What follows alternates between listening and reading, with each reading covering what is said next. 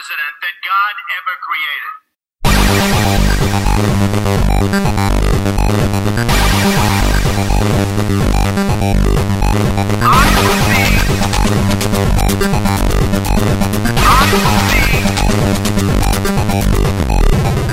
Guten Abend, meine Herren und Damen und herzlich willkommen zur Lulbur 174. Ich bin Jon Kato und mein guter Freund Lars, du bist nicht mir.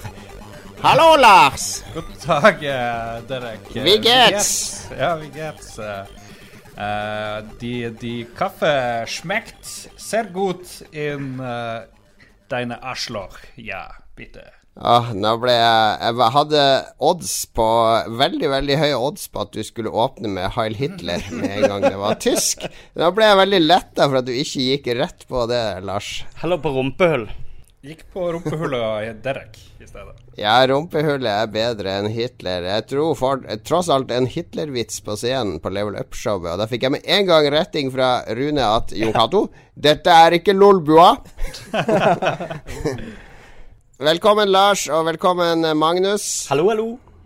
Ja, nå har det vært så mye med deg i det siste, Magnus, så det er egentlig litt sånn vondt å ønske deg velkommen, fordi Ja. vi har liksom eh, sovet under samme tak og vært sammen som to tvillinger i flere dager. Ja, vi har det.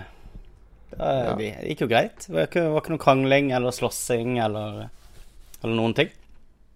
Ja, dere har Ja, vært i Kristiansand. Det, det, ja.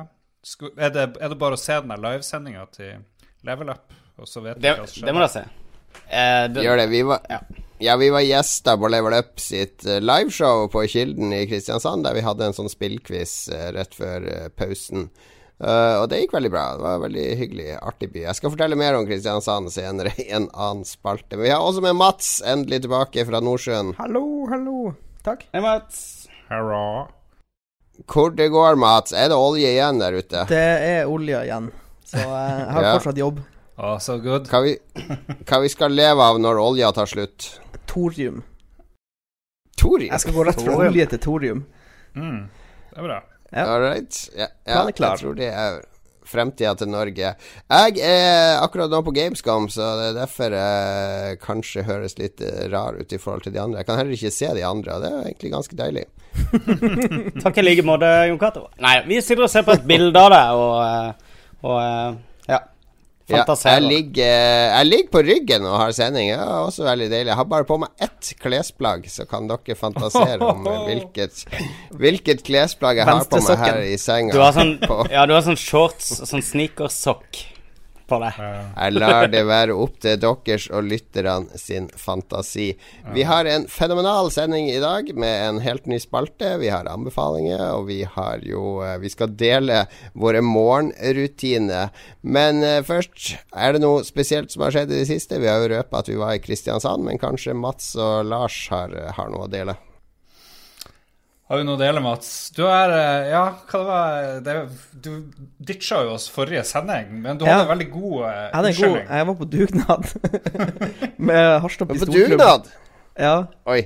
Var og uh, ordna oppe på banen. Det har grodd litt igjen der. Og så skal de legge et sånt nytt lag med grus. Så vi måtte Ja. liksom ta opp sånn gress og greier, sånn at det ikke la seg under den nye grusen. Hvilken bane? Jeg tror ikke alle fikk det med seg. Uh, Harstad pistolklubb sin eh, bane. Oh yeah. He's gonna eh, shoot everyone. Og i går var jeg faktisk er, det, er, det, er det den som er oppe ved Folkeparken? Mellom Stemmer det. Og Heggen? Stemmer det. Ja, det er. Nedfor uh, Trondenes har jo en Trondenes uh, rifleklubb har jo en sånn svær bane der. Og Harstad Ja. pistolklubb er rett nedfor. Ja, ok. Ja, det er nedfor Appelsinhaugen der. Nå ble det veldig lokalt. Nå ble det veldig lokalt her. Ja, nei, så spennende. Hva gjør Er, det sånn at Må dere plukke gamle shells som ligger og søpler naturen og sånn, Ja, det, det, det gjør vi fra gang til gang. Altså Hver gang du er der, så er det en sånn eh, regler du må følge. liksom en, Det siste du gjør før du går, er å ta ned flagget og plukke opp tomhylse. Og lukke og låse Mm. alt. Mm. Så det er, Er det lov å skyte og holde pistolen sidelengs når man skyter i Harstad pistolklubb, sånn som man gjør på amerikanske gangsterfilmer? Ja, du kan gjøre det, men du blir ikke å treffe så bra, er det? Det er jo ikke noe gøy å skyte vanlig. Du må skyte opp ned, bak hodet. Ja. Osv. Har Har dere, sånne, har dere sånne madrasser så at dere kan hoppe sidelengs mens dere skyter med to pistoler på blink, og så lande mykt, sånn som i John Woo-filmer? Det, det er nesten at det blir sånn eh, For jeg har, jeg har begynt med noe nytt som heter dynamisk eh, sportsskyting. Og da, i stedet for at du står i ro og skyter statisk på en blink, så beveger du deg litt. Så da, det er nesten så vi kan introdusere madrasser. Hvis vi gjør det trygt nok, så kan vi sikkert gjøre det. Ja, det er jo Ja, ja. Jo. Det, for det virker Det er ganske kjedelig på TV når det er NM i skyting. Ja, det ser Så ligger de der med sånne firkantige briller, altså de her digre, klumpete geværene. Ja, det er og så bare tørt. Pop. Men det, det er ganske morsomt å bare skyte på blink sjøl, da. Altså som en hobby. Jeg vet ikke om det er helt eh, egna som en seersport. Altså sånn eh, standard uh, targetskyting. Det er nok litt for kjedelig, tror jeg. Jeg lurer på sånn her dynamisk skyting. Var ikke det med i det forrige OL-spillet? Jeg tror det var det. Ja, kanskje. Det finnes jo, eh, det jo eh, konkurranse innafor det, men eh, Ja. det er ikke i OL, i hvert fall. Er det ikke det? Ok. Ja, da. Nevnte du han uh, Keanu Reeves? eh, Keanu Reeves eh, kan man se på YouTube når han holder på med dynamisk skyting. Ja. han driver jo og øver til John Når han trente til John Wick, så er det en sånn trigun-greier hvor han bytter med hagle og pistol og rifle. Det er så kult.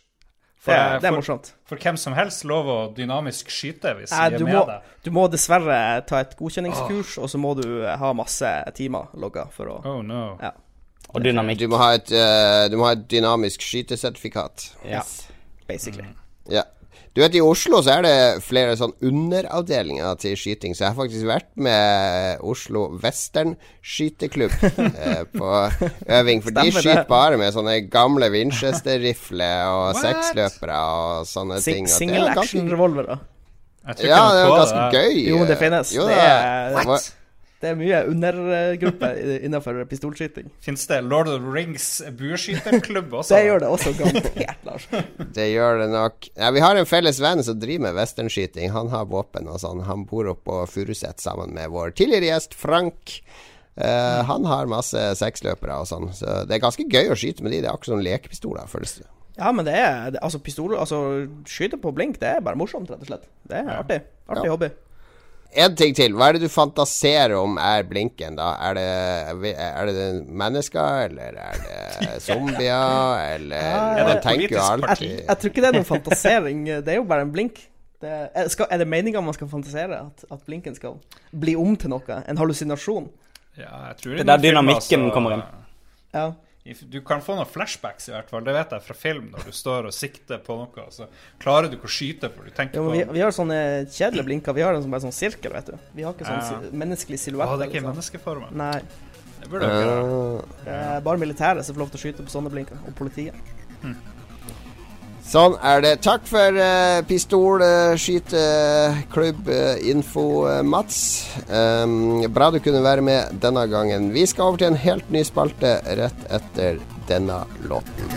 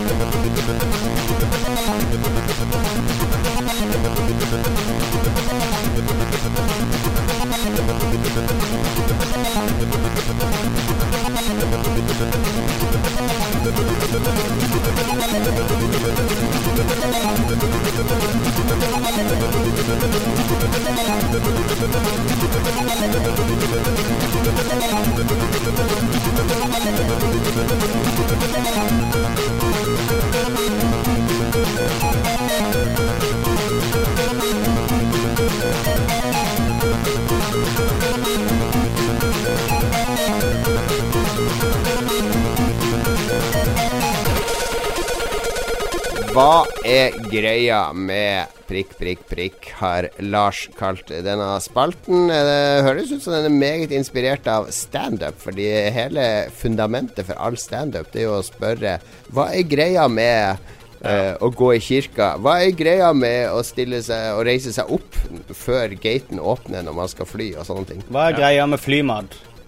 Ja. Ja. Er det en standup-spalte du har laga, eller hva er det du vil oppnå med denne spalten, Lars? Etter forrige sending så begynte vi å snakke om hva vi skulle gjøre med denne nyhetsspalten. Fordi vi, vi finner jo ofte ut at eh, ingen av oss er veldig inspirert av uh, spillnyheter. Så jeg tenkte ok, vi lager en spalte hvor alle får ta med sin egen nyhet. For nyhetsspalten har vært sånn enten har jeg funnet nyheten, noen andre eller liksom på egen hånd. Det, ikke- det er ikke noe felles. Men nå tar vi med alt det som interesserer oss, enten det er spillnyheter, eh, et eller annet vi har Ja. opplevd, eh, noe som irriterer oss, whatever. Så er vi engasjert. Engasjerer vi lytterne, eh, osv. Suksess! Jeg spår 10 000 lyttere før denne streamen Vi, er vi, ferdig. får, vi får se om det fungerer. Nå skal du også si at vi fikk jo fast nyheter fra Ståle Balvinson i en lang tid, og det er ingenting å utsette på de nyhetene. Nei, nei. Vi bare merka at det, det ble litt tørt å prate om av og til, fordi det var ikke alt som engasjerte like mye. Ja, det blir bedre når vi sjøl liksom velger ut hva vi vil snakke om. Kanskje. Det er jo teorien. Kanskje. vi får se.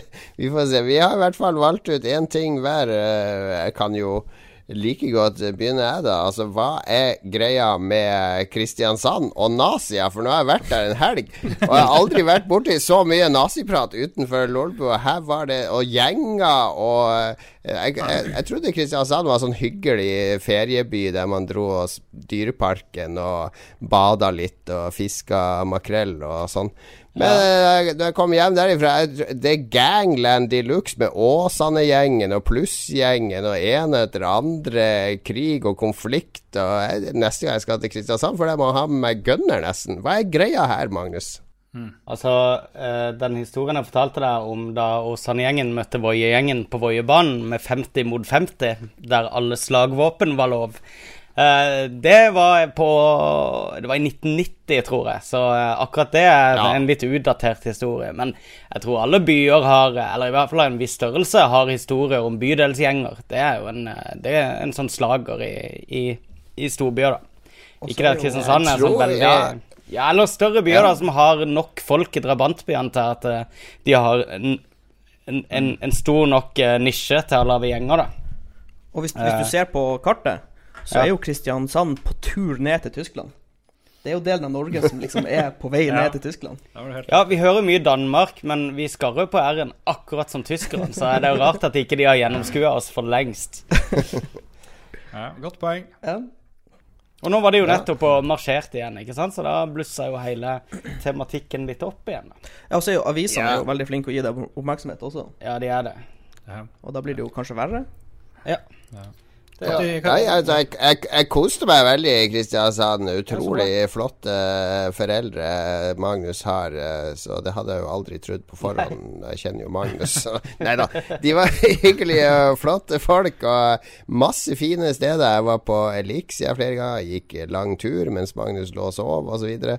Så jeg følte meg jo ikke utrygg, men alle de der eh, folk vi møtte derifra rundt omkring, det var bare snakk om slåssing og gamle konflikter og drit og lort. Og vi så jo til og med slåsskamp når vi gikk på, til taxien her Ja, stemmer på vei hjem. liksom- Så eh, ja, det var litt knuffing. Og så, det, det var det er sånn amper stemning der. Litt sånn der sydenlandsk uh, hissighet. eh, jeg vet ikke. Jeg bare følte byen var litt sånn uh, Jeg føler meg nesten tryggere når jeg går nattestid i Oslo enn i Kristiansand. Ja, men jeg gjør det sjøl. Jeg har vært i ti ganger med Nå har jo jeg bodd eh, 20 år, eller 21 år i Kristiansand og 17 år i Oslo. Og eh, de første årene i Kristiansand så var jeg jo ikke i byen.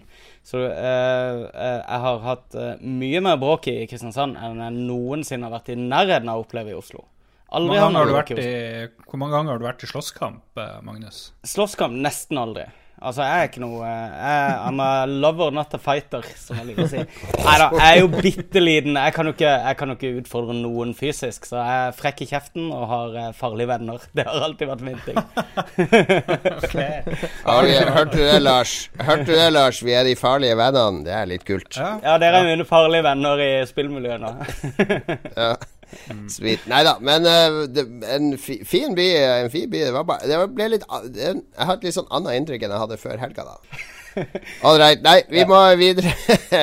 Takk og farvel til Kristiansand. Aldri mer. Steng, steng Dyreparken. Hold barna hjemme. mitt, Aldri eh, mer burde du kanskje si litt oftere i Kristiansand, kanskje. Yes. Kanskje, kanskje Du kan jo overta stafettpinnen, Magnus. Eh, Ja, hva, skal- hva er din eh, Hva er greia? Jeg skal eh, hente oss litt tilbake igjen til, til spillverden. For det at eh, på vei hjem fra Kristiansand, når vi satt på toget, så eh, var vi i gang med eh, Xbox-pressekonferansen eh, Ja. eh, fra Gamescom. Eh, det lille vi fikk sett, eh, bruddvis på NSB-internettet. Ja, vi Og- må nesten takke NSB for at vi ble forskåna for det, den, den, en av tidenes verste pressekonferanse. Vi satt og fulgte Eurogamer, den der sånn tekstoppdateringa, mens eh, Jon Cato satt på 4G, og jeg satt på, på nettet. Og så satt vi liksom og prøvde å streame via Twitch også, så det var sånn «App, app, app, Nå er det oppe på 4G! Og så satt vi og så litt med tekst, Også. Um, artig, det. en ting som, som var ganske uh, pinlig etter hvert, var jo den her eksklusivitetspraten. Og vi ble sittende og diskuterte litt også. Uh, og det var jo spesielt på PubG, der eh, Microsoft stolt slo seg på kassa og sa at Player Unknowns Battleground eh, er konsoll Nei, eksklusivt for Xbox One. Eh, Der det viste seg at uh, Nei, de, de er publisher for Xbox-versjonen, som er Xbox-eksklusiv. Så okay. var, det ikke, var, var det ikke det det ble til? Så Xbox-versjonen Ja, altså, er Xbox-eksklusiv? Basically. Ja, nei, det, ja, samme, det er samme greie som Rise of the Tomb Raider, som Ja. også var eksklusiv på Xbox i et år før det kom på PlayStation. Mm. Ja. Så Microsoft er publisher og har liksom uh, satt en sånn grense for når det kan komme. så det komme. kommer sikkert på. PlayStation etter Ja, ja, det, det gjør det. Ja, ja. Ja, ja. Jeg vil tro det. Og så, men eh, så, så mitt da hva jeg greia med, er jo eksklusivitet. For det at eh, nå har vi jo kommet et stykke inn i levetida på konsollene, kanskje med unntak av Switch, som uansett er litt uh, for seg sjøl. og liksom hvor hvor viktig er det og, og mange som sitter på gjerdet med valg av konsollen, og hvor viktig er det med eksklusivitet og annet enn å liksom å bare hive på Nei, hive bensin på det der evigbrennende fanboy-bålet som, som går mellom Xbox og PlayStation-eiere. Jeg, jeg syns det er litt uh... Men er det ikke et stort problem at Xbox ikke har noen eksklusive spill, mens Ja, men Sony har hatt noen bra i år? Ja, det er det det, er det, Ja. det føles mer som. Jo, men det er jo ikke så Altså, når, når et spill annonseres jeg, jeg har jo PlayStation og Xbox, og for meg er det ikke så viktig at det er eksklusivt for den konsollen jeg skal spille det på, hvis du skjønner hva jeg mener. Altså, det er jo noen gjerne eh, Altså, jeg vil jo tro at eksklusiver er det viktigste i begynnelsen av levetida for konsollene, når de skal begynne å selge inn maskinene i stua hos folk, men eh, Nei, altså, jeg syns jo eksklusivitet betyr jo noe hvis, uh, hvis Sony eller Microsoft er med å finansiere spillet og gi det ut, ikke sant? Så Sånn sett så syns jeg at eh, Microsoft sender ut et veldig dårlig signal med at de ikke eh, finansierer en masse kule spill til, uh, som skal komme ut til Xboxen sin. Jo, men hva betyr det for spilleren at det er eksklusivt til den konsollen de uansett skal spille det på? Det betyr ingenting for deg og meg som har begge plattformene. Men hvis du hvis, La oss si at du måtte velge bort Du kunne bare ha Xbox eller PlayStation. Ja, så- Hva ville du valgt da? Nei, men det er det jeg mener. Det, det, bare, det har bare negative konsekvenser, eksklusivitet. Det har ikke positiv det, det skaper ikke noe positivitet at et spill er eksklusivt. Det, det skaper bare Jo, jo vi det er de som går glipp av det, og så er det de som- Hvis spillet ikke hadde eksistert med mindre Sony eller Microsoft hadde finansiert det, så er det jo klart at det er positivt at, Jo. eh, at Men- de har putta penger i det for å få det ut. Og få det, få det laga. Ja. Realiteten er jo at hvis ikke det finnes noen eksklusive spill, og det gjør det jo egentlig ikke nesten til Microsoft, så er det, ingen som, så er det veldig få som gidder å ha det. F.eks. Gustav, vår sjef, som jo er Mr. Xbox, han har jo mista trua på maskinen. For det finnes Ja, ja. absolutt ingenting han har lyst til å kjøpe der i det hele Mm. tatt. Så ja. Det er vel bare Cuphead og Forsa i år, basically. ja. Uh, men, men men jeg er helt Det er jo sikkert derfor de har promotert den der eksklusiviteten til Battlegrounds, for nå har de endelig fått noe som faktisk er eksklusivt. De må kalle noe for eksklusivt, ikke sant? Ja. Men en annen ting er, for Microsoft sin del, så er det veldig mye som er eksklusivt i det der Microsoft-økosystemet som har kommet nå mellom PC og Xbox, der du liksom kan crossplaye, og du eier det på både PC og Xbox hvis du kjøper det der. Men det, det havner heller ikke inn i den tradisjonelle beskrivelsen av eksklusivt, selv om det på en måte er eksklusivitet, hvis du skjønner. Eh, Ja. Jeg syns i hvert fall som buzzword, så langt inn i levetida som vi er nå, så syns jeg det er litt uh, utdatert da. Ok, så Mario Odyssey er jo òg eksklusivt, uten at vi skal gå ned der. Men, men, la oss gå videre. Mats, hva er din hangup, eh, eller din Hva er greia med? Ja. Eh, jeg har brukt, jeg har brukt eh, Netflix litt i det siste. Jeg har sett litt eh, filmer og TV-serier og sånn. Og har irritert meg så sinnssykt over den eh, funksjonen hvor du Hvis du bare blar gjennom titler og venter litt på en tittel for å lese på den, så begynner han å spille video med lyd i bakgrunnen, som, som er rele relevant. Forferdelig! Det er Det er forferdelig. helt grusomt. Det er så irriterende. Eh, og så har jeg prøvd å skru det av, og så har jeg googla litt. eh, for jeg har hatt to TV-er de, de siste to årene. Jeg hadde en Samsung, og nå har jeg en LG. Og det var i Netflix-appen var mer eller mindre identisk på begge TV-ene. Mm. Eh, Og jeg prøvde å google, finne ut om det går an å skru av. Det eneste du kan egentlig skru av, er at han autospiller neste episode. Hvis du Mm. ser en TV-serie som har flere episoder, det kan du skru av. Men jeg har ikke funnet ut om du kan skru det der av. Og det er, Det er det er first world problem, men det er jævlig masete. Det er det. Den ehm, Vi, vi snakka veldig løst om det i der, og eh, jeg er helt enig med deg, Mats. Eh, Og dette her er sånn der Jeg har sittet og brent inne med eh, all den aggresjonen som er bygd opp det, det er etter synd timer i Netflix-menyer. Det er litt synd egentlig, for Netflix har ganske fin meny, syns jeg, da. Og de har Ja. veldig bra spiller også, med, med Ja, ja. spoling og finne ut hvor du var. Og det er veldig bra. Og så kommer det en sånn ting, en sånn feature, i Jeg skjønner hvorfor jeg skal Jeg, jeg føler hele tida jeg har dårlig tid. Jeg må, jeg må liksom komme videre til neste. Ja, ja jeg får, jeg får litt før traileren begynner å spille. Når jeg, Ja. når jeg snurrer rundt i Netflix-appen. Jeg vil liksom Jeg vil bla videre før den der eksplosjonen av lyd angriper meg, liksom. Nettopp. Det er helt faen vilt. sinnssykt merkelig. Men eh, ja, du har googla det. Du vet at internett er raging eh, Jep, over jep. det, da. Ja, det er Folk er i harnisk. Det er jo vår, vår tids ilandsproblem. Ja. Altså, det kommer til å stå sånn Vi hadde eh, aids på 80-tallet. Nå har vi Yes. Netflix. Nå har vi katte-aids, og så har vi Netflix Autoplay. I, I ren protest så er Mats begynt å dra på videoverden og leie filmene sine fysisk for å slippe det der. Ja. Vi var på Matrix her om dagen. De har ikke filma lenger. Ja. Det er, ja, men bra. Men de har ikke det. bra. Vi trenger ikke snakke i 2000 år, sånn som Magnus gjorde på sin spalte. short and sweet. Lars, Lars nå til din uh, Hva skjer? Hva skjer? Min hangup uh, Min hangup denne uka er uh, hun eh, Therese Johaug, som jo hadde en stor dag i dag. Jeg hadde, jeg, hadde drømt lenge om å se henne gråte uh, og se gang. TV. Og, Har du aldri sett eh, Johaug gråte? Journalist Jo, jo. eh, Lars. Jo, jo, jo, men jeg, jeg gleder meg til neste gang. Å, ja. Det måtte jo skje. riktig. Hun hadde jo den derre cry-out, gråtefestivalen, da hun liksom først ble busta. Og det var, jeg vet ikke, jeg, jeg driver og kjenner at jeg er et dårlig menneske, men jeg, jeg syns det er utrolig gøy å se Therese Johaug gråte. Og så tenkte jeg, da jeg så henne i dag når du så det her fucka opp ansiktet hennes For det har tydeligvis det har skjedd noe grusomt med henne i det siste. Det var noe veldig rart, eh, både med lepper og med andre deler av ansiktet. Det er akkurat som Luke Skywalker i originaltrilogien. Hvor han begynner, han er en snill, eh, forsiktig jedi, og så lokkes han nærmere og nærmere the dark side, og blir stadig mer fucka i trynet.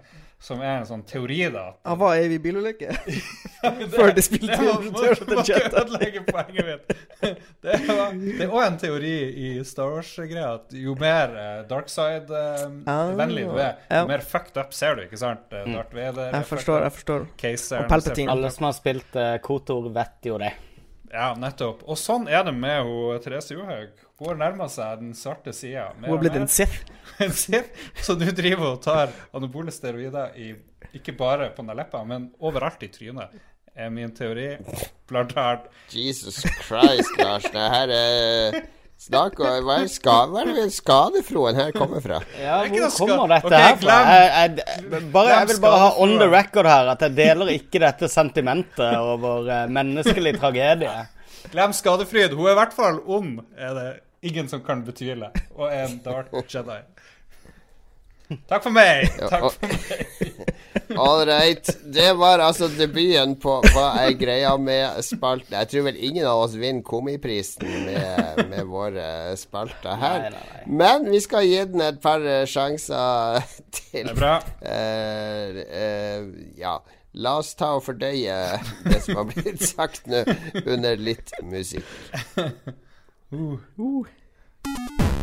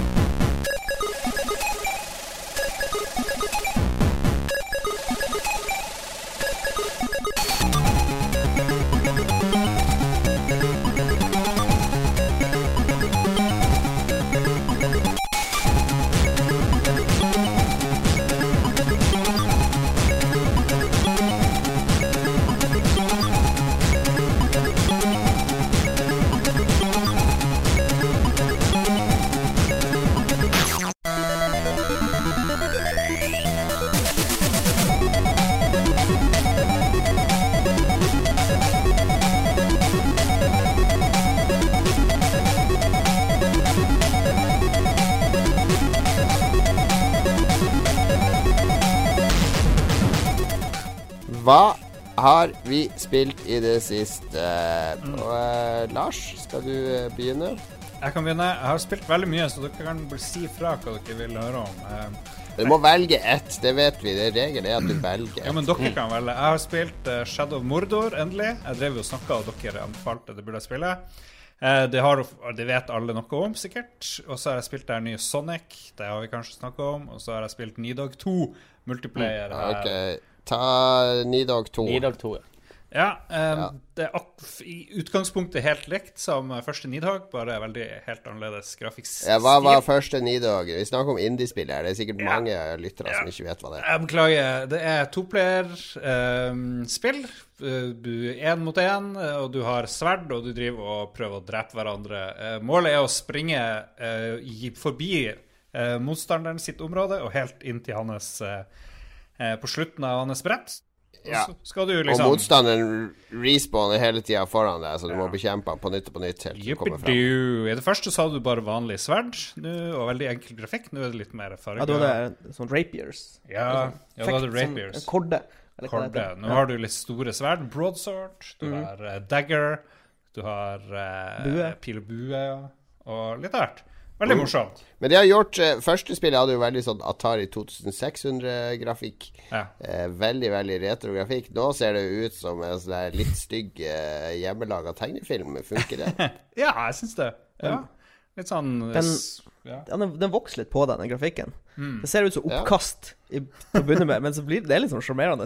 ja. Ja, jeg synes det var ehm, Det var jo med på, på Level Up, eh, denne live-greia. Så vi satt og så på Ja. duell mellom eh, Carl og Rune i det Ja, riktig. spillet. Var det ikke det?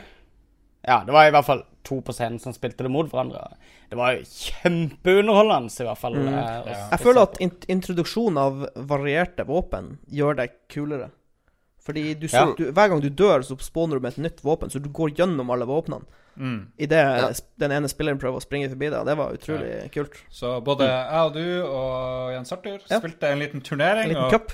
Noen kamper varte jækels lenge. Det blir ganske intenst. Ja, jeg vet ikke om de er blitt lenger, om du må gå forbi flere skjermer før du vinner eller taper. Ja, det virker sånn. Ja. Final screen er veldig, veldig lang. ja. Men det er vel også Det her er vel ikke noe spill du kjøper for å sitte og spille alene? Det her Nei, det er partygame. Det er sofaspill Mm. de luxe. Ja. Vorspiel Vorspiel-spill eh, funker det jo veldig bra til. Ja, Ja, uten tvil. Anbefales. 100, rundt 100 150 kroner, kanskje. Veldig bra.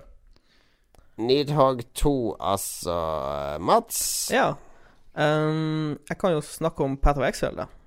De har nylig Ja, for det er, det er gratis eh, Grat- Diablo gratis Diablo-spill, basically. Uh, Det som kom på Xbox nå. Fra 2012 eller noe? Ja, det er, de durer på. Um, Nå har de sluppet på Xbox, det er helt korrekt. Uh, de har kommet til versjon 3.0, så det er basically en sånn svær expansion de har kalt Fall of Oriath. Eh, hvor de introduserer nye kapittel. For tidligere så hadde du bare fire, fire acts. Eh, så du spilte gjennom tre ganger, da, for du spilte act 1 til 4 på normal, og så på eh, cruel, og så på merciless. Så du spilte det samme innholdet flere ganger. Eh, men nå så har Mm. de ti acts. eh, og så spiller du gjennom alle på bare én difficulty. Eh, så du slipper å, å gjøre det samme innholdet på nytt og på nytt igjen. Eh, for Men det er jo basically samme spill som Diablo, altså musebasert. Uh, ja, det- det er jo sånn- Ja, du kan, du kan drepe folk med sverd og øks og hammer, eller du kan bruke magi. Uh, men det skiller seg litt ut fra Diablo 3. Eh, for Diablo 3 er ganske sånn streamlina. Du har ikke så mange valg, egentlig, på din spillkarakter, hva du bruker av skills. Eh, for du har Mm. sinnssykt mye forskjellige spills du kan bruke, og kombinere dem. Og, Mm. Eh, det har litt mer dybde, vil jeg si, enn Diablo 3. Det vil de sikkert de fleste være enig i. Det ligner mer på Diablo 2 enn det ligner på Diablo 3. Skillsene ligger i gearet ditt, gjør de ikke det? Ja, du har sånn of eh. Du har sånne slots eh, på utstyret ditt. Eh, Mm. Opp til seks, da. Hvor du setter inn skills. Skillene er sånne gems du setter inn i utstyret. Og så kan Mm. du kombinere gems, så du kan liksom modifisere eh, et angrep til å eh, påvirke en større del av skjermen, eller at det skjer raskere, eller at det gjør en spesiell type skade. Eh, så det er utrolig mange forskjellige kombinasjoner. Ja, veldig mange. Ja, jo, litt sånn.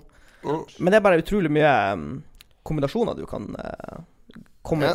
je- kombinere, da. Jeg har, jeg, jeg har sett litt på det på Steam. og For meg virker det som det er veldig sånn der uh, høy terskel Altså det er mye å sette seg inn i og lære og sånn før man skal få si skikkelig utbytte av det. det, det, det positive med 3.0 er at uh, de har lagd en ganske bra sånn tutorial help-greie som popper opp med sånn bokser og forklarer deg hva som skjer. Den er blitt veldig bra. Eh, og så er det jo Du slipper eh, de her ekstra difficultyene. Du spiller bare på normal. Det er ikke noe difficulties lenger. Så det er veldig mer nybegynnervennlig, vil jeg si. Eh, Ja. For det, det som er målet i Path of Excel, er jo ikke å spille gjennom spillet, egentlig.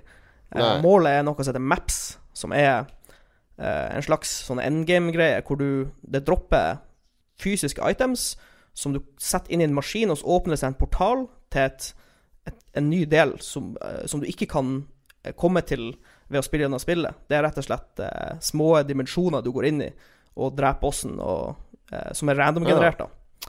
Eh, og de, eh, de går fra tier 1 til tier 16, så det, det er veldig mange kart. da Det er 116 forskjellige typer kart. Ja.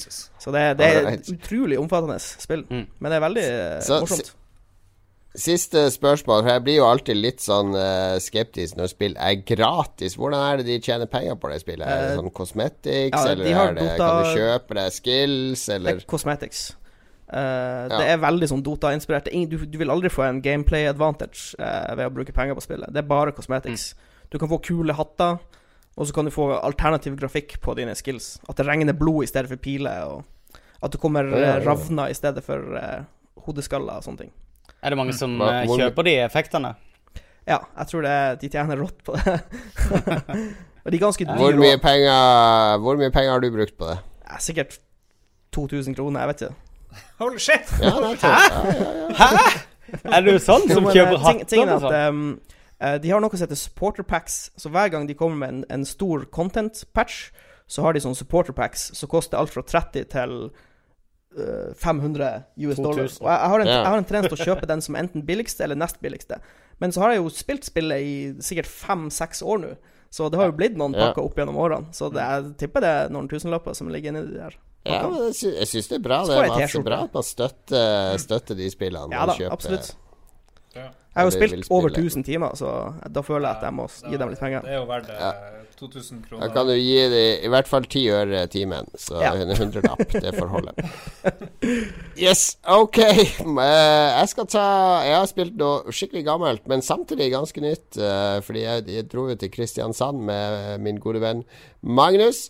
Og eh, da hadde jeg jo selvfølgelig med meg Switchen på toget, og da har jeg dratt fram eh, Shovel Knight igjen. Det gamle Yacht Club Games-spillet. Altså det er sånn 2D, veldig Nintendo 8-bits-aktig spill, der du er en knekt med en spade. For det har kommet to utvidelser til Shovel Knight, eh, nemlig Spectre Knight og eh, Plague Knight, er det vel de to. Så jeg spilte gjennom Spectre Knight eh, på toget og nede i Kristiansand. Eh, all, de er jo to av fiendene du møter i Shovel Knight, og jeg tror kanskje at de, den overordna planen er å gi ut en expansion for alle de bossene i Shovel Knight, Nei. som alle har ulike abilities, da. Så det blir veldig ulike spill. Men uh, Uh, Shovel Knight jeg, spil, jeg spilte det litt når det kom, men jeg runda det ikke. Men nå er jeg helt hekta. Nå skal jeg runde alt. Gjøre alt i, som kan gjøres i det spillet. For det er veldig tight gameplay. Og det ser ut som sånn gammelt, uh, råttent spill, men uh, det er mye mer moderne i innpakninga. Og level design er helt genial. Det er noen skikkelig bra leveler i Shovel Knight. Så enten du er på Steam eller uh, hvor nå spillet er ute, Switch-versjonen er absolutt å anbefale. Sjekk ut Shovel Knight. Jeg spilte det på Wii, uh, Wii U, et eller annet. hvor Ja. Syns det var så sykt vanskelig. Jeg vet ikke, Kanskje ikke like vanskelig som uh, Megaman, men det var så fett vanskelig, det der spillet. Ja, det er Shovel Knight er vanskeligere, vil jeg si, enn Specter Knight, som var den jeg spilte nå før. Nå er jeg på Shovel Knight-kampanjen. Specter Knight har det, det anna... annet Der kan du løpe på vegger, så kan du eh, sl eh, slice gjennom fiender, så du kan fly bortover fra fiende til fiende ved å slice de. Så det er en helt annen type gameplay. Jeg syns det var litt lettere enn eh, Shovel Knight. Men det er, det er utfordrende. Men det er ikke Nå har jeg spilt det ganske intenst nå i en uke, så nå er jeg veldig inni det. Så nå er det ikke så vanskelig. Men jeg ser jo utfordringa. Og de bossene som jeg sleit med når jeg spilte det på VU, de tar jeg mye lettere nå når jeg spiller på nytt. Ja. Ja. Jeg skal spille litt mer Sonic òg det nye, men jeg syns òg det kan være litt tricky. Dør mer enn jeg trodde jeg skulle gjøre. Kanskje jeg er blitt elendig på spill. Ja, vi er blitt gamle. Magnus, du har i hvert fall spilt noe som er ganske nytt. Faktisk så nytt at jeg gikk forbi en stand med det spillet på Gamescom i dag. Gjorde du det, ja? Så kult. Ja, jeg har spilt et spill som heter eh, Observer, som eh, er et uh, cyberpunk-spill satt i året 2084. 100 år etter 1984. Der jobber du som en observer, som er en slags detektiv som kan jacke inn i en sånn her Alle har sånn implement... eh, Hva heter det? Implants, da. Med en sånn ID-chip som er liksom hele hjernen og systemet ditt. der. Og da, disse observerne de kan plugge inn der, og de kan oppleve eh, minnene til disse personene som de plugger inn i. da. Kort fortalt. Eh, dette har de da pakka inn i et Altså, for å si det sånn, det er de som har lagd Layers of Fear, som har lagd dette spillet her. Og det er et veldig rart Det er et veldig vanskelig spill egentlig å beskrive. Jeg kjøpte det først på PC, men eh, benytta meg av den penger tilbake-versjonen og gikk for konsoll. For jeg skjønte at dette her er Det, det er nærmere en walking simulator enn et, eh, en action shooter, i hvert fall. Men så endrer det seg også etter hvert mens du spiller det, og det er et spill som er veldig vanskelig å, å forklare. Eh, du reiser jo inn i eh, Dette her er jo en, en eh, Det er jo faktisk han eh, Hva heter han? Rutger Hauer. Rutger Hauer, The Yes. Hitcher. Fra Blade Runner, som spiller hovedpersonen. Ja, fra, fra The Hitcher, takk. Haikeren. Den Ja. klassiske skrekkfilmen fra 80-tallet. Riktig. Yes. Han er jo blind Fury Nei, hva heter det? Han er som blind ninja film. Det er det beste. Og han har utvikla en, eh, en fascinerende mørk stemme som eh, fungerer som et sånn eh, bakteppe. da. Men, men han er på leting etter sønnen sin i, i denne byen her, da, og havner raskt inn i et ganske blodig plott. Og, og begynner å reise inn i hodene på folk. der, Og jeg, jeg, skal ikke, jeg skal ikke spoile noe som skjer, eller noe sånt, men det er bare altså, Kom igjen, da. Spoil litt. du får, du får liksom Du forstår handlinga, da. eh, gjennom disse her eh, eh, Reisene gjennom hodene de sine og minnene de sine. Og, men det er bare ikke sånn minnene, minnene våre er jo ikke lagra sånn her eh, så, gjorde det, så gikk jeg bort der, og så åpnet jeg døra, og sånne ting. Det er det skjer abstrakt, og ting skjer ikke i riktig rekkefølge, og noen ting skjer veldig kjapt. Seriøst, Jon? Står du og pisser nå? Jeg er jo veldig mobil på sendinga. Ja, riktig. Jeg måtte veldig på do, så, og så tenkte jeg det var dumt å avbryte. Men eh, da ble det avbryt. Ja. Ok, fortsett. Ja, nei. Samme det. Men eh, kult spill, i hvert fall. Anbefales. Er, er det et et sånn uh, first person-spill? Ja. What? Men du, du snakka om, eh, når du nevnte det først, at det var veldig sånn VR-egna. Stemmer det? Eller at det burde være VR? Det burde vært i VR, ja.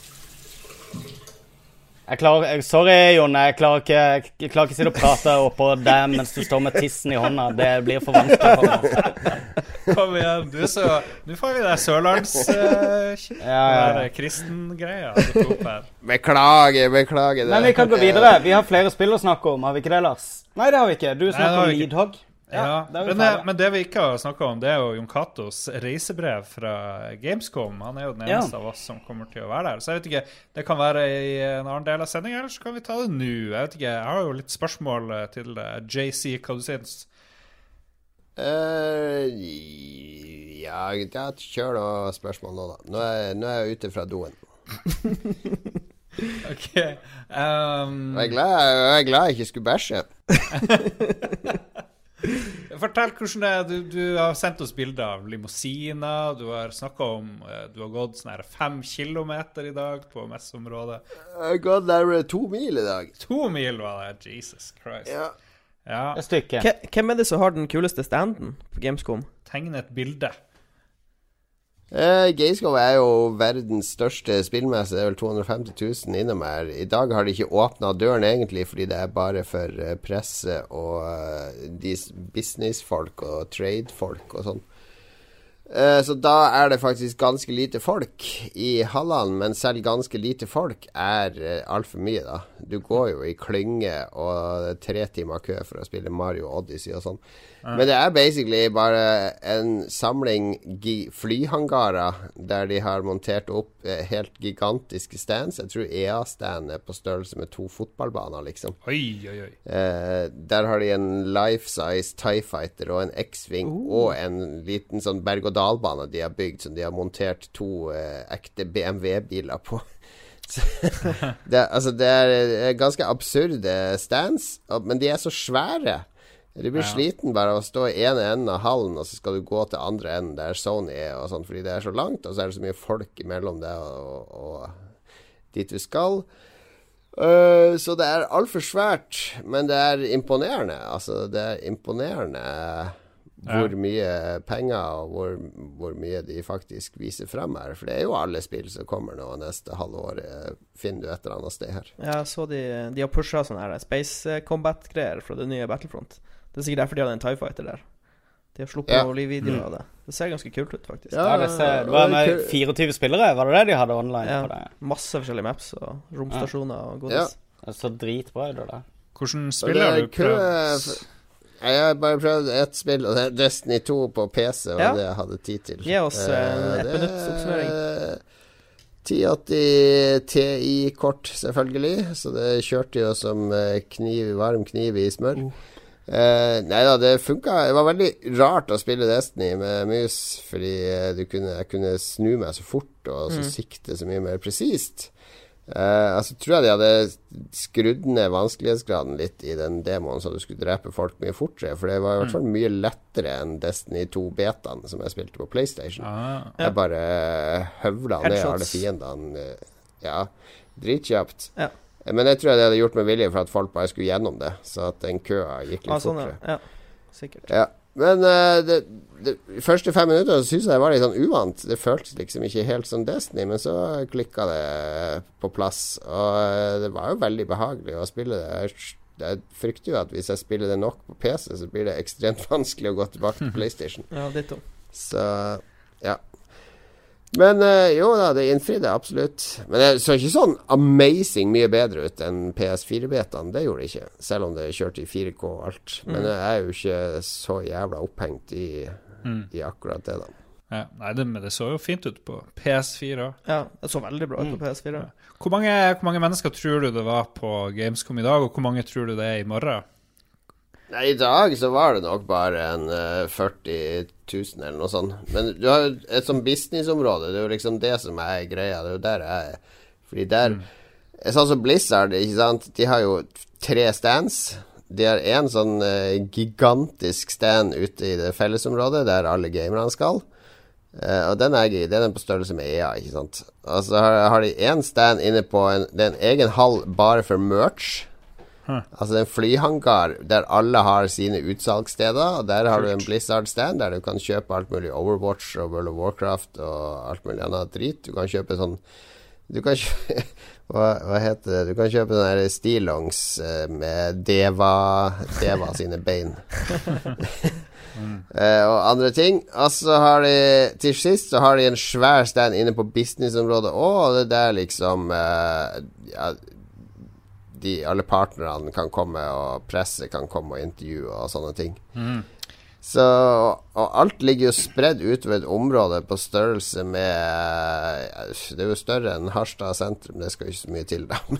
Men, det, er, det er svært, ikke sant. Det er som å drive og labbe og gå fra Harstad sentrum opp til fotballbanen og tilbake hele tida. Oi, oi, oi. Ja, det er stort. Hm. Og Ja. eh, har, du, eh, har du gitt noe intervju, eller har du gjort noen business deals i dag? Har, eh, har du skrevet under på en sjekk, f.eks.? Eller bestukket noen med Bestukket kokain? Bribe noen. Ikke noe Ikke noe sånn, nei. Det, Nei, Jeg har hatt masse møter i dag med folk vi skal jobbe med, og folk som vi kanskje skal jobbe med. Så det er jo derfor jeg er her, egentlig. Jeg drar jo hjem i morgen når det egentlig begynner. Å ja, du drar hjem i morgen? Så kjedelig.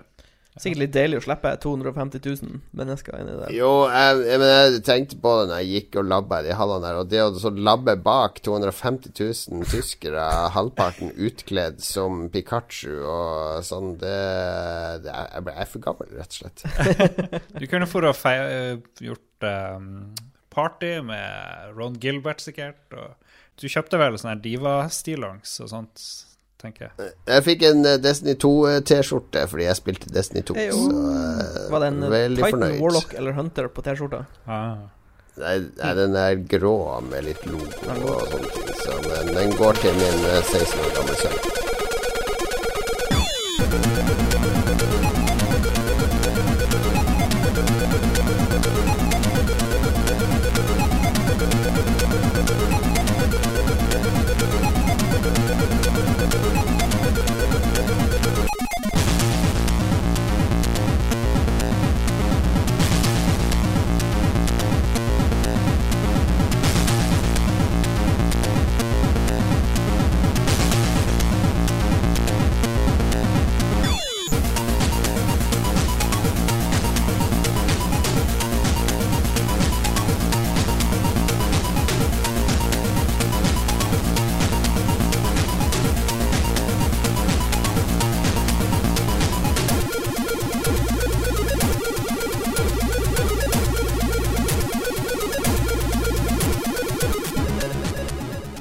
Ukas hjemmelekse var rett og slett å dele våre morgenrutiner og ta bilde av oss sjøl om morgenen, gutta. Har alle gjort leksa si?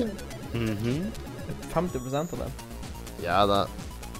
Det, det får gå. Hva er det Det er jo en del av det å, som jeg mener at lytterne vil bli bedre kjent med oss. Og er det én tid på døgnet som er Det er kanskje den mest private tida på døgnet, vil jeg si. eh, Det øyeblikket fra du står opp til du liksom eh, viser deg for offentligheten. Er, eh, da er man ganske sårbar. Man føler seg ikke helt bra. Kroppen trenger tid på å våkne, hjernen trenger tid på å våkne. De fleste er ikke så kommunikativ i den perioden. Så, eh, så det er liksom eh, Det er en veldig privat stund for mange. Er det, er det sånn for dere òg, eller er det bare for meg? Jeg vet ikke, men jeg, jeg lurer på om jeg har veldig dårlig syn på morgenen. Fordi vi måtte jo ta en selfie her i denne oppgaven, og jeg så masse streker Ja. i ansiktet, både hos meg og hos deg.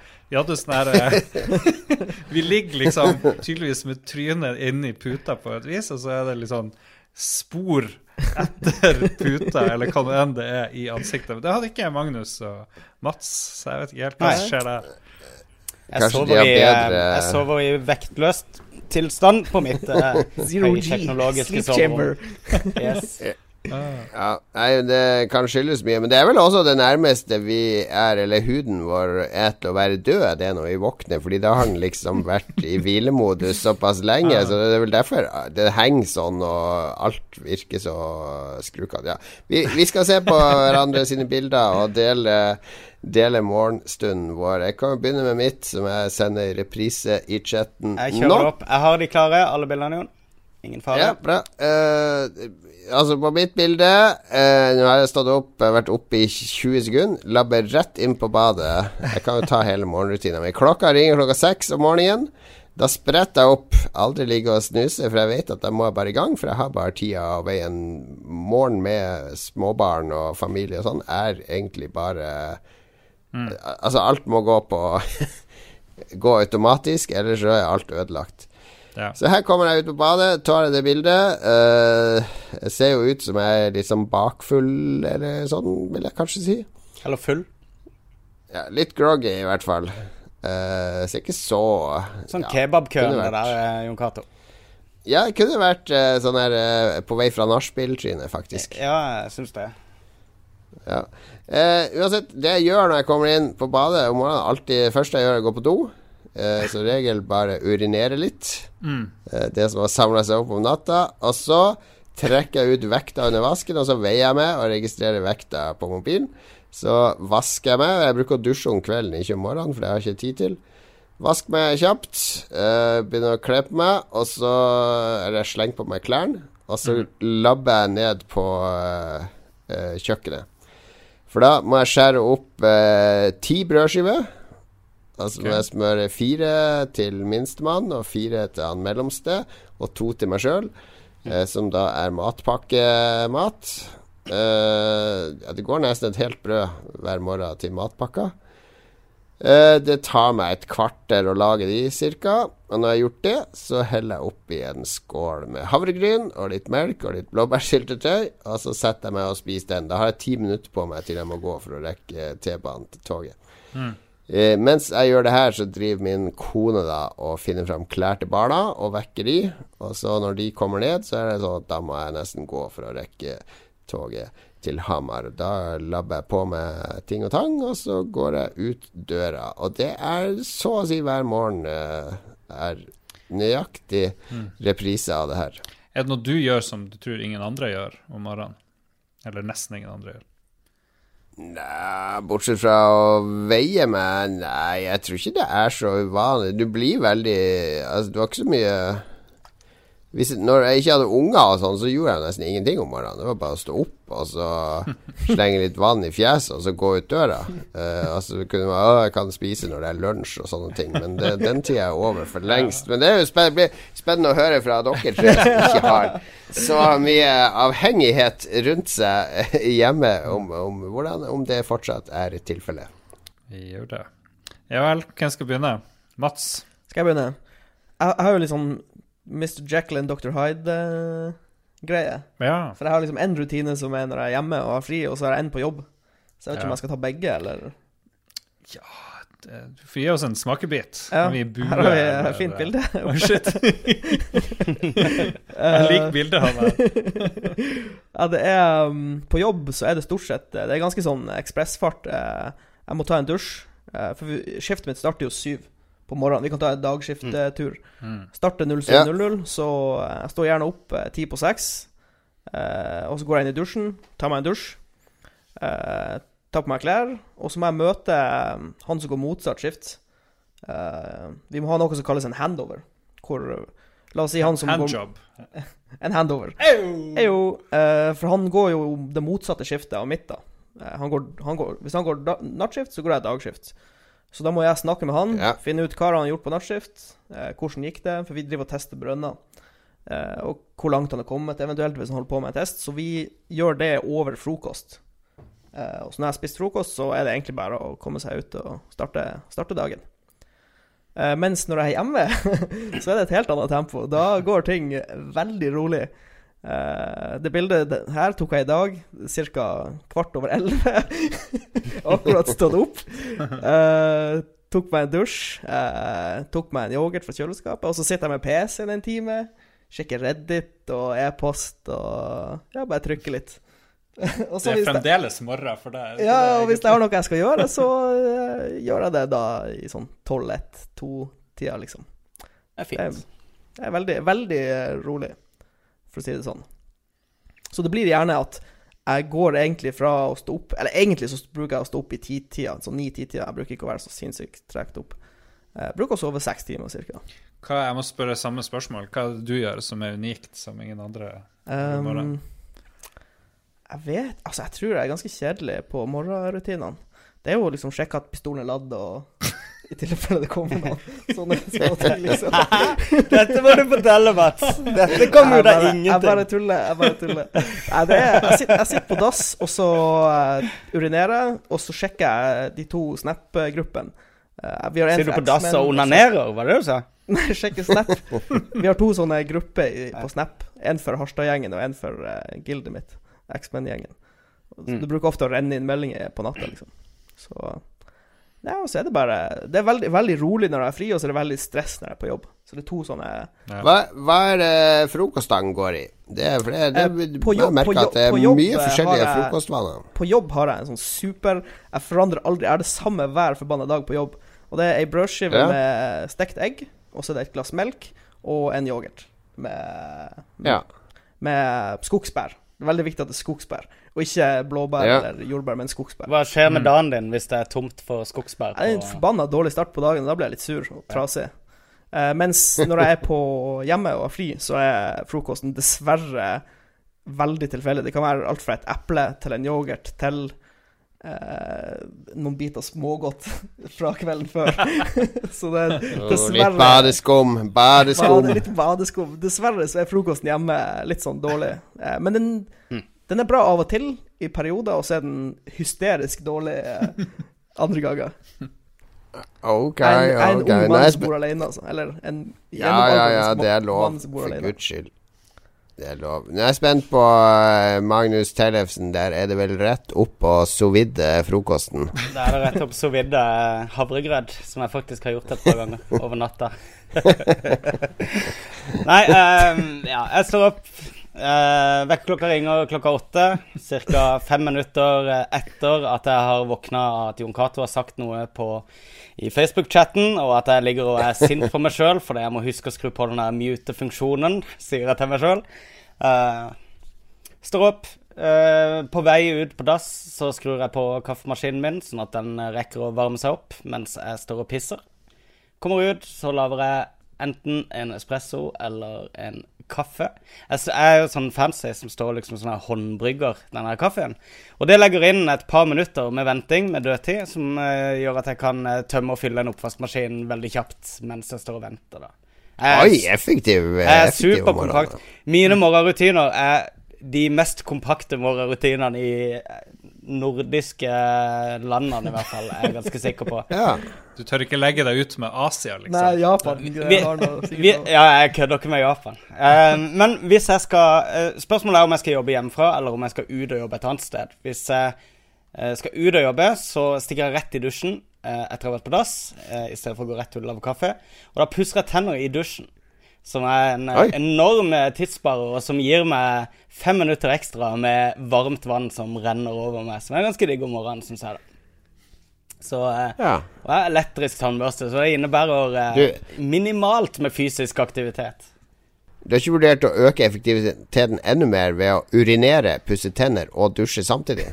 Jo, uh, urin er jo det reneste vi har. Uh, nei, jeg, vet du hva, jeg pisser eh, minimalt i dusjen. Uh, så eh, jeg går for eh, piss, så flytter meg en meter. Jeg, jeg skrur til og med mens jeg pisser, så kan jeg rekke meg over og skru på eh, dusjen. Sånn at, eh, sånn at vannet er varmt, sånn at jeg kommer meg inn.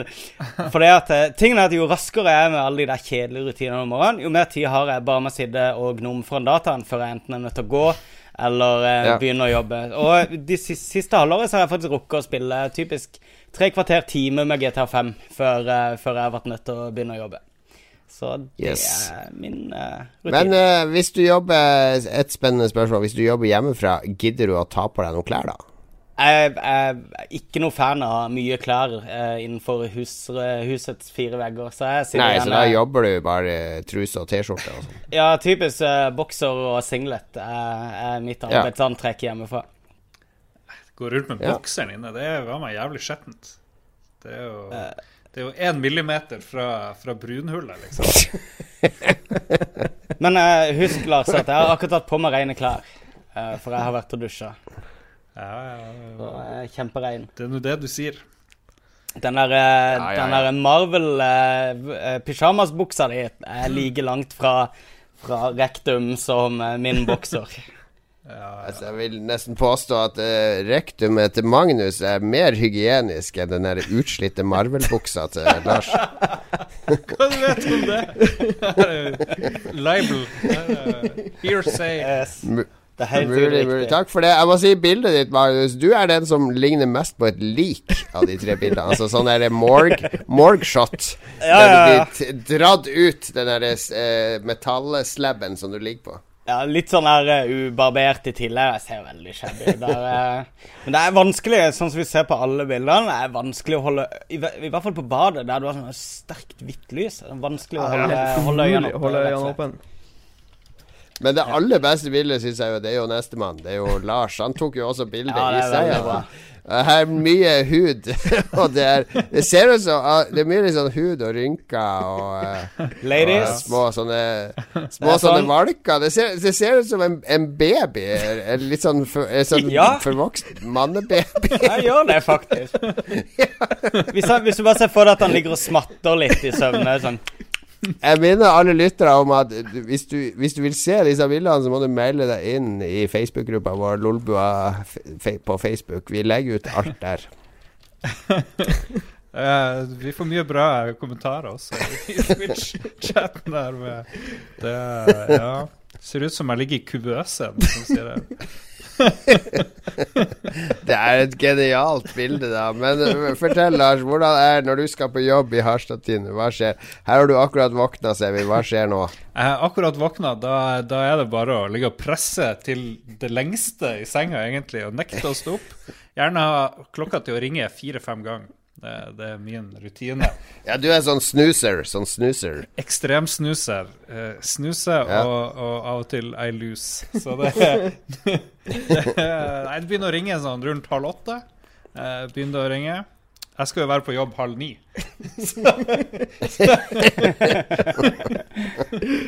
Oh, shit. Men, eh, men det tar bare sånn kvarter å gå ned på jobb, da. Så, så hvis jeg er oppe av senga før åtte, så, så leder jeg. For da rekker jeg akkurat en sånn sup, superrask dusj. Um, setter, på, uh, setter på en podkast eller noe musikk eh, på mobilen mens jeg er i dusjen. Dusjer fort, pusser tenner. Uh, vade gjennom skjetne klær uh, som ligger på rommet. Prøver å finne noe rent. og, og så bare mose på jobb. Det er ingen spising, ingen drikking. Uh, Det er ikke det, nei. Nei. absolutt Nei, jeg kan, eh, det kan jeg si også. Jeg spiser uh, stort sett ikke uh, før jeg skal ut døra. Hvis ikke jeg skal gjøre noe viktig, og det er viktig å ha hjernen uh, oppegående. Ja, nei, det er ikke noe viktig jobber dere har, tydeligvis. Så Jeg- der man trenger, jeg prøvde- trenger hjerneaktivitet. Jeg Prøvd et drikker par også en ganger å liter vann. frokosten. Det går bare ikke. Ja, det er bra. Blir for sulten. Ja, jeg blir helt Det er helt rart. Det, det blir nesten rusa etter hvert når, når du ikke har spist i det hele tatt siden eh, kvelden før. Litt sånn svimmel og eh, stikker i huden og eh, vanskelig å forme fullstendige setninger og alt sånt der. Da er det en god idé. Gjør seg dårlig på morgenmøtet vårt. Eh, ja, det Det er- er. Det er rart det der hvordan kroppen prøver å si fra, hvordan man glatt ignorerer signalene. Ja, men det Yes, står mellom det og GTA 5. Da er det jo ikke så vanskelig å prioritere, syns jeg. Ja, ja, ja. Der tror jeg et av de syv punktene på uh, avhengighetsskalaen uh, som du uh, scorer høyt på der, Magnus, på Ja, den det er uh, berykta spillavhengighetstesten. Jeg Det er nok ikke for å prioritere spill, akkurat, men eh, det er greit å nedprioritere mat på morgenen. Det er lett å gjøre, i hvert fall. vi trenger bare åtte bilder til, så har vi en kalender. Har du ikke tenkt på det? Ja, du er jo den Hvis- som liksom Du har liksom armen opp bak hodet, Lars. Du ser ut som du liksom Du ser ut som en som kanskje ikke burde dandere seg så veldig, men som likevel eh, prøver, da. Hva Den skal du ha. Eh, poserer, i hvert fall. Ja, ja, ja, ja. Vi, eh, vi eh, kommer når vi legger ut denne podkasten på fredag til å oppfordre våre lyttere til å dele sine morgenbilder med oss i kommentarfeltet. Ta et morgenbilde av deg sjøl. Da er du på ditt mest sårbare. Alt er vondt, alle lyder, høye lyder er fælt, lys er fælt. Alt rundt deg er intenst og vondt og skarpt og ekkelt. Så ta et bilde av deg sjøl på ditt svakeste, og del med oss andre i Lolbua Entourage. gjør det da vel.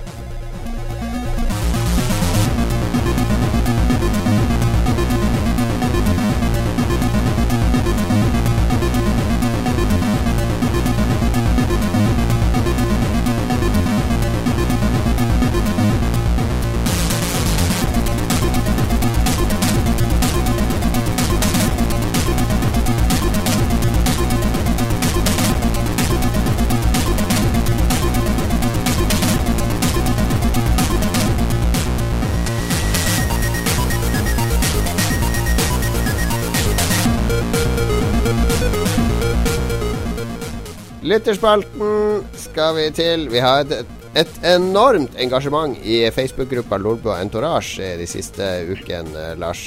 Ja da, vi eh, slo jo nye rekorder i forrige gang, da vi spurte om noe jeg ikke husker. Og nå har vi nesten like mange, hvor det sikkert nærmer seg over eh, 60 tilbakemeldinger på hva er greia med prikk, prikk, prikk. Eh, inspirert av vår nye Hva er greia med-spalten. Alle hadde en liten eh, Jerry Ja. Seinfeld inni seg. ja. Alle har en, eh, en standup-komiker i magen. Og vi kan jo begynne med han Magnus eh, Sandstad, eh, friend of the show. Han har jo også vært tidligere gjest. Hva er greia med at vi skal se Johaug grine på direkten igjen? Lars. Det er det. Og så går vi i gang med den der Luke Skywalker-rutinen. Den har jeg jo tatt, så det, det slipper vi. Er jo Binder done that. Så er det Henning Østrem Roddtvitt. Rottvitt. Jeg vet ikke, det er det en ny person. Rottvitt. Det sånn rødhvitt. I don't know. Hva er greia med at du kan dø av å bruke for mye tid når du utforsker brett i Mario-spill? Helt enig, Henning. Jeg er òg enig i det. Det er noe bullshit. Hvorfor går du på ti, egentlig? Hvorfor går Mario på ti når det er et såpass sånn kjapt spill, egentlig? Og hvis du bare løper rett frem, så, så går jo aldri tida ut. Jo, det er jo en arv fra Super Mario Bros. Altså det første der du, eh, Super Mario Bros. eh, Ja, der du løp Ja, ja. åtte verdener opp og ned. Det var et arkadespill, ikke sant? ja, ikke sant? Så du kan jo ikke ikke ha tid i et arkadespill, for da Å, jeg Mm. på en krone. Se, jeg spiller i mange timer. Jeg bare står her og hopper. Du, du, du. Ingen andre får spille. Så Men det, det er bare en arv fra det. Fjerna det på en måte Ja, når det ble et konsollspill. Ja, det er jo ikke i de, de nyeste Mario-spillene, så er det ikke klokke, tror jeg. Er det ikke det? Ikke i 3D World. Nei, ikke, ikke, ikke, i Nei, kanskje- nei, det er ikke kanskje Nintendos 64-versjon. Da er det ikke noe tid, tror jeg. Men det er en, en arv fra Arkademaskinene. Men godt poeng. Jeg, jeg tror du har en starten på en standup uh, der, altså. Ja. Godt jobba, Henning. Robert Carstensen spør eh, hva er greia med LED-lys på musematter. Man må jo i tillegg ha strømkabel til musematta. Skjønner det ikke i det hele tatt. Eh, Fins det ja, musematte med LED-lys? Ja, ja. Ja. Alt har LED-lys. Jeg tror han snakker om den der Razer-matta. For de var det første, tror jeg, med Eller Ja. Corsair eller Razer var først ut med LED-lysmatte. Men Mm. jeg vet ikke om du må ha en kabel på den, om den bruker batteri eller hva. Nei, hvem vet. Men, men eh, vi, vi kan jo egentlig extende det der til Hvorfor skal folk ha LED-lys på keyboard i det hele tatt? Når du sitter og gamer, hvorfor skal du ha sånne Altså, sånn gaming-aktiverte vet. LED-funksjoner på keyboardet? Er det noen som ser ned på keyboardet sitt mens de spiller på PC? Er det sånn her Å ja, jeg skal Ja. gå fremover. Hvor er W? Skal vi se. Oh, W. Sånn, ja. Fremover. Jo, men du, så- jeg- Nå vil jeg ta høyre. Hvor er det Hvor er det? Jeg må arrestere deg. For eksempel i Elite Dangerous, der jeg Ja. bruker Hotas, så har jeg også en del uh, shortcut-knapper på tastaturet, og de har jeg faktisk highlighta. På en annen farge. Fordi uh, Nei, det er bare at det lyser bare av de. Ah. Altså av uh, systemkart og galaksekart og de, de som jeg ikke har mappa til Hotasen. For det er ikke plass til alle knapper på Hotasen. Jeg- jeg så ser den nå der er kommer det litt nyttig, fordi ja, Der er Hotasen og keyboard en del av cockpiten min, men ja. i de fleste spill så er det jo ikke så nyttig. I de fleste spill så er det sånn at eh, hvis du blir truffet av et skudd, så, så lyser keyboardet ditt opp med rødt. Og så Ja, eller det er kan- bare tull. Men akkurat keyboardet kan være funksjonabelt. Men jeg kan ikke skjønne hvorfor i all verden en lysmatte, eller hva det Nei. lyset skal bistå med når du spiller. Det er bare neste logiske steg på RGB-karusellen. Hode, sånne ga gaming-hodetelefoner er også veldig glad i å Ja. lyse. Sånn 'Å, se på meg! Jeg sitter og spiller! Det lyser av ørene mine!' Ja, men hvis dere hadde vært ti år, hadde det ikke vært Ja, awesome. Ja, nettopp. Jeg tror ikke vi forstår hele tenkegreia. For det er folk som syns det er skikkelig kult med alle regnbuens farger på inni Ja. PC-en og ut på PC-en, og på musmatta og på headset. eh, Kom, kom dere av plenen vår. Og, og på stolen og Noen har jo lys under bilen sin. Det er litt. Ja, det er jeg, jeg liker det litt. Ja. Ser ut som en ufo som kjører bortover. Jeg er mer, mer glad i det enn eh, enn på, tast, eller på musematta, i hvert fall. Eh, Ole Marius Nord Nei, Marius Lyseggen Krinnan, hva er greia med å la nazister få nasse? Jeg mener, lærte vi ingenting av andre verdenskrig? Ja, vår, vår sjef Gøsta er jo veldig for å ta livet av alle nazister. Eller i hvert fall nesten det. I hvert fall ikke la dem få lov å gjøre noe. Det jeg tenker det er jo problem, eller Kjennetegnet med et eh, Hva det heter for noe? Et, et, eh, et eh, diktatur er jo at folk ikke får lov å samles eller ytre seg sånn som de vil. Så det er jo derfor man er veldig forsiktig med å la hvem som helst ikke få lov å ytre seg. kneble, kneble fri. Men så er det jo også et, et, eh, veldig mye spredt eh, sånn paradoks med demokratiet, som er spredt veldig mye i sosiale medier om dagen, eh, som omhandler det med at for at eh, man skal ha et fritt demokrati, så er det noen ganger nødvendig å stoppe de som jobber aktivt for å stoppe det demokratiet. Men det er jo en eh, Det er jo skikkelig sånn dilemmaspørsmål, det der. Men jeg, akkurat når det gjelder nazier, er jeg helt enig. Må bare har, eh, stoppe det. Jeg har en tanke. Fordi Ja. du må la dem få si det de vil. Du kan ikke arrestere dem. Ikke hva de vil. Men- det er masse men- lover om Men du trenger ikke å like det. Du trenger ikke å gi dem oppmerksomhet og la det bli en debatt. Bare, De er jo en bitte liten minoritet. Bare Ja, men det er masse ting som er ulovlig å si. Uh, og det forstår Men ikke folk. Vi, For, for det meste så er jo tingene de sier, lovlig. Altså, nå sitter vi jo her og er hvite unge menn som har egentlig ganske greit. Men hvis du hadde sittet og vært uh, homofil eh, tater i, uh, i Norge i uh, 1937, så tror jeg ikke du hadde syntes det hadde vært så greit med den der frie.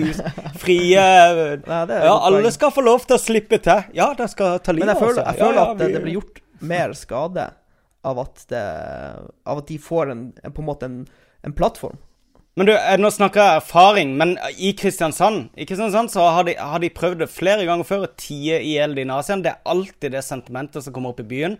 Hver eneste gang det blomstrer opp. Vi må bare tie det i hjel. Men hva skjer? Det er til, tilstrømming, eh, vekst i miljøet. Eh, det som Det eneste måten som eh, Du må, må gå og stoppe de, rett og slett. Vi må drepe Sånn dem. Kristiansand Drepe alle Kristiansand er Norges Inglewood og kan ikke brukes som eksempel for resten av Norge. Men uh, som eneste minoritet her er jo en åttendedels kven. Så uh, stopp. Vi har brukt opp nazikvota for denne sendinga. Ikke mer nazismeprat. Eh, Takk til deg, Marius, for å blusse det opp igjen. Ja. Eh, Ole Magnus Nord Johansen lurer derimot på Hva faen er greia med Adolf Hitler Nei da. Hva faen er greia med syltetøy på brunosten? Syltetøy på brunost er, eh, det er digg. Så fuck off. Ja. Nei, nei, nei. Jeg jeg er imot. Magnus er for, jeg er imot. Lars, hvor står du på syltetøy på brunost? Så lenge det er over brunosten, så er jeg for. Hvis det er under, så må de dø. Ja, Mats. Altså, ferske, nyrørte brunosten skal være helt alene på skiva. Ja, Nei, nei, nei, kan du ikke ha smør en gang på, da? Jo, og selvfølgelig. Men smør Ja. teller ikke som er et, dere ute å kjøre kjører. pålegg. Det er plutselig unntak fra regelen her. Så det er, ja. Ja. Jeg liker best brunosten i ei varm vaffel. Vet du hva jeg har vokst opp med? Ja, det er òg godt. Ja, men jeg har vokst opp med gulost og brunost på samme skive. Og det har alle vennene mine reagert med. Sånn, sånn reagerer vennene mine. Sånn har de gjort hele oppveksten. Det er supert. Det anbefaler jeg folk å Oh, teste ut. Det er Wow. fantastisk godt. Det må jeg prøve. Jeg, det, er, det er tilbud på brunost på eh, Joker akkurat nå, eh, folkens. Vet du hva, en gang eh, Når jeg lærte å lage ostesmørbrød, var jeg elleve år gammel. Eh, Min nabovenn Helge, han lærte meg det. Og det var det var beste smørbrødet jeg hadde smakt noen gang. Smelta gulost, ikke sant, oppå en skinke og litt ketsjup og sånn. Det var helt fantastisk. Jeg, jeg skjønte ikke at man kunne lage noe så godt ut av brød og ost. Så jeg, jeg drev og lagde det hjemme hele tida. Så en gang vi var tom for brunost, og da prøvde jeg å lage ostesmørbrød med, med brunost i stedet for gulost. Ja. Det er ikke så det, det, for det første, det, det lukter helt jævlig, og det smaker enda verre. Så jeg er veldig var på å blande gulost og brunost. De to skal aldri sammen sitte eller utveksles med hverandre. En annen ting som er digg med brunost, er å ha i saus til viltmat.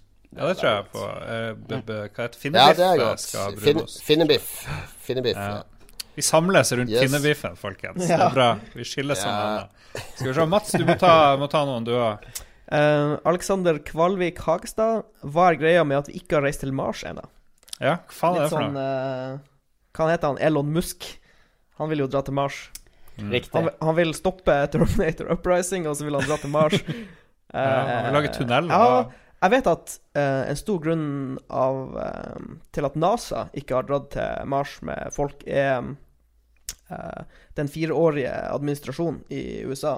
Altså, de legger en skikkelig heftig plan. Vi skal gjøre det, vi skal gjøre det. Og så kommer det en ny administrasjon, og så sier de nei. Ja. Slutt med det. Så det, det, det er liksom hovedgrunnen til at, nord, at USA ikke har dratt til Mars.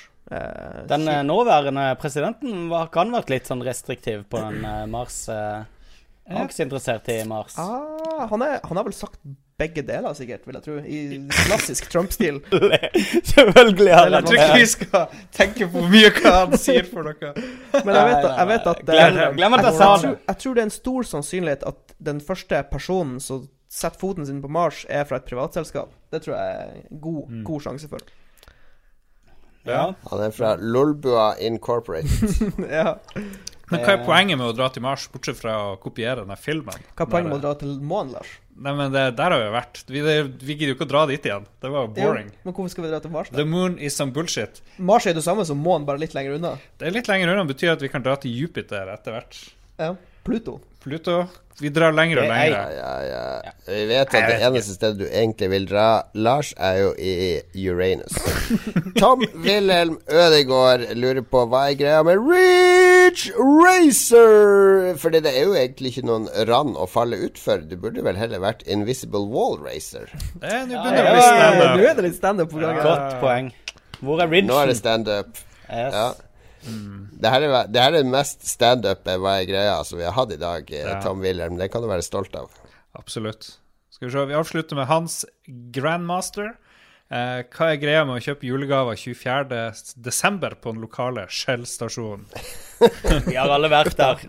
Ja, kanskje ikke Ja, 24. desember, men uh, På 24. ja, På Jula kommer Hvis du jobber, i hvert fall Hvis, eh, hvis du jobber typisk i butikk, eller sånn typisk må jobbe ekstra lenge i, uh, i tida opp mot jul, så, så er det veldig lett å, å ikke tenke på seg sjøl, for du er så utmatta og stressa hele tida. Så plutselig så Det er jul i morgen, så må du bare komme deg ut og kjøpe. Så jeg regner med det er forklaringa. Men det må være surt da å alltid få sånn her eh, Eller hvis du er- Snickers og en uh, og Hvis du er sånn alkoholiker, og så er du på en binge, og så våkner du opp på morgenen julaften. Og så bare, å Ja. shit, julaften, jeg har ikke kjøpt gaver. Fordelen med å Ja, kjøpe på julaften er jo at da vet du stort sett hvem du får gave hos. Så bare kjøper du til dem, og så ignorerer du alle andre. Det er, Det er sånn- sant. Men nå, nå, er, nå er det jo ikke sånn at eh, Shell er det eneste som er oppe på julaften. For de fleste senter er faktisk oppe Ja. på julaften fra ti til ett eller ti til to. Alle Og har- plantesentre og sånne havesentre og sånn, de har åpent Ja. også på julaften. jeg, jeg har en ganske nær slektning eh, Jeg har en ganske nær slektning. Han kjøper alle gavene på julaften. Han drar på senteret klokka ti, for da er det bare han og en håndfull andre menn.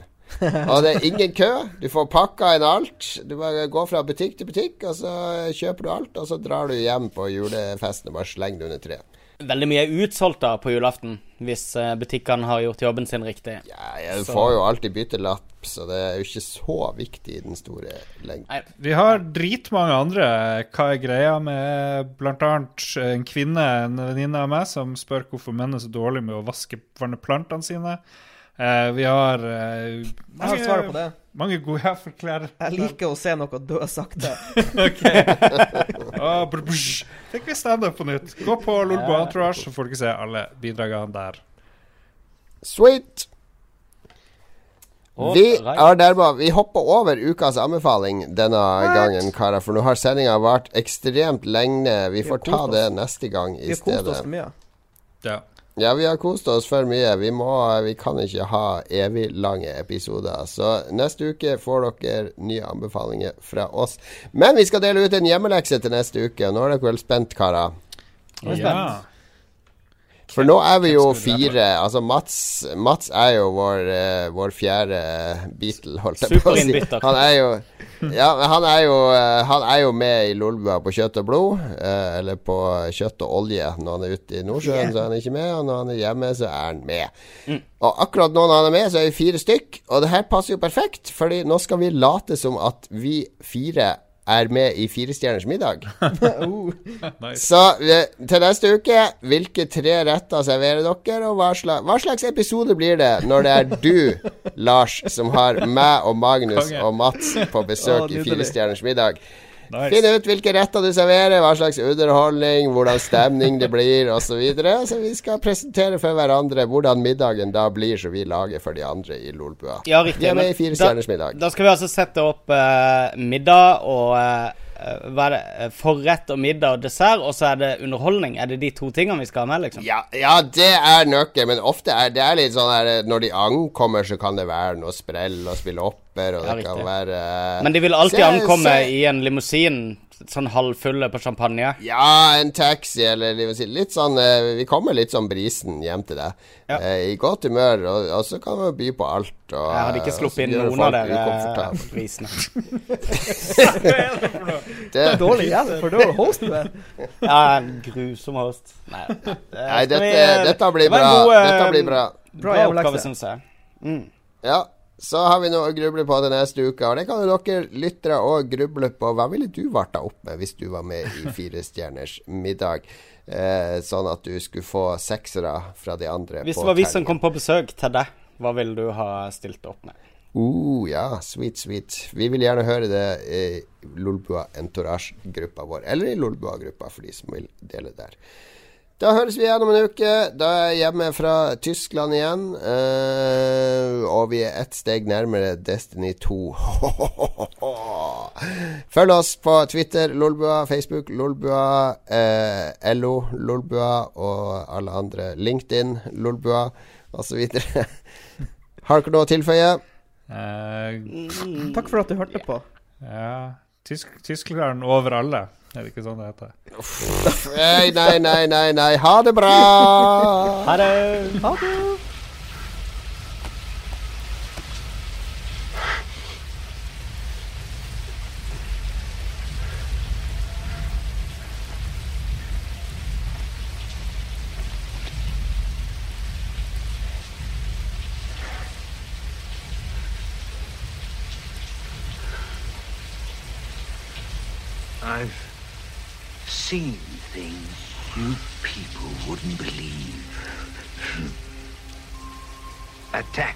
Ships on fire off the shoulder of Orion.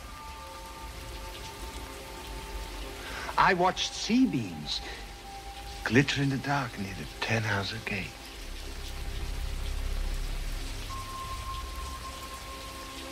All those moments will be lost in time. Like tears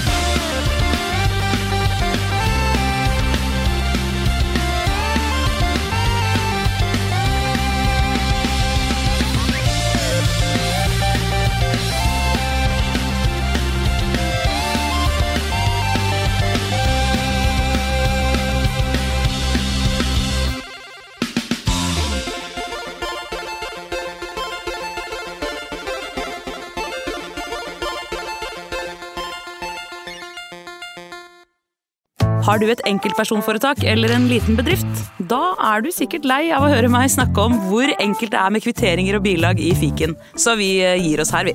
Fordi vi liker enkelt. Fiken superenkelt regnskap.